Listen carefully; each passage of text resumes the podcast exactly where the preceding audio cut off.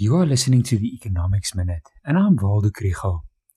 In yesterday's minute, I explained how investment in fixed capital decreased and then declined sharply in 2020.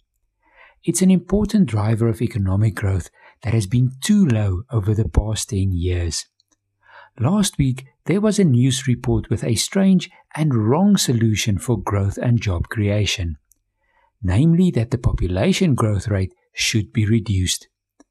This advice comes from a report of the Inclusive Society Institute, but it's the kind of thing one also occasionally hears around a fire. I would like to bust the myth. First, South Africa's population growth rate is not high, and it has been falling since 1993. It was around 1.3% in 2019. The problem is that South Africa's economic growth rate is not high either.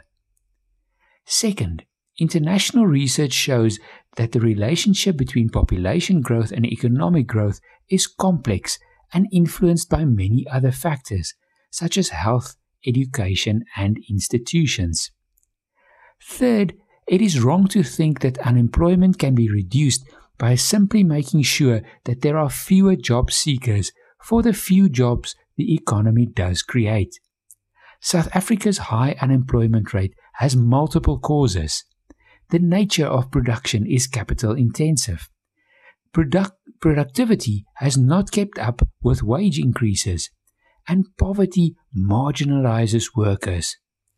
So, even if the country manages to reduce the population growth rate, those people who are now unemployed are not going to end up finding some of those few jobs that are created. Many unemployed people are discouraged and unemployable. As a country, we need to focus on how we make the cake bigger rather than on how we share it. If you want to learn more about the economy, follow the Econ 101 page on Facebook.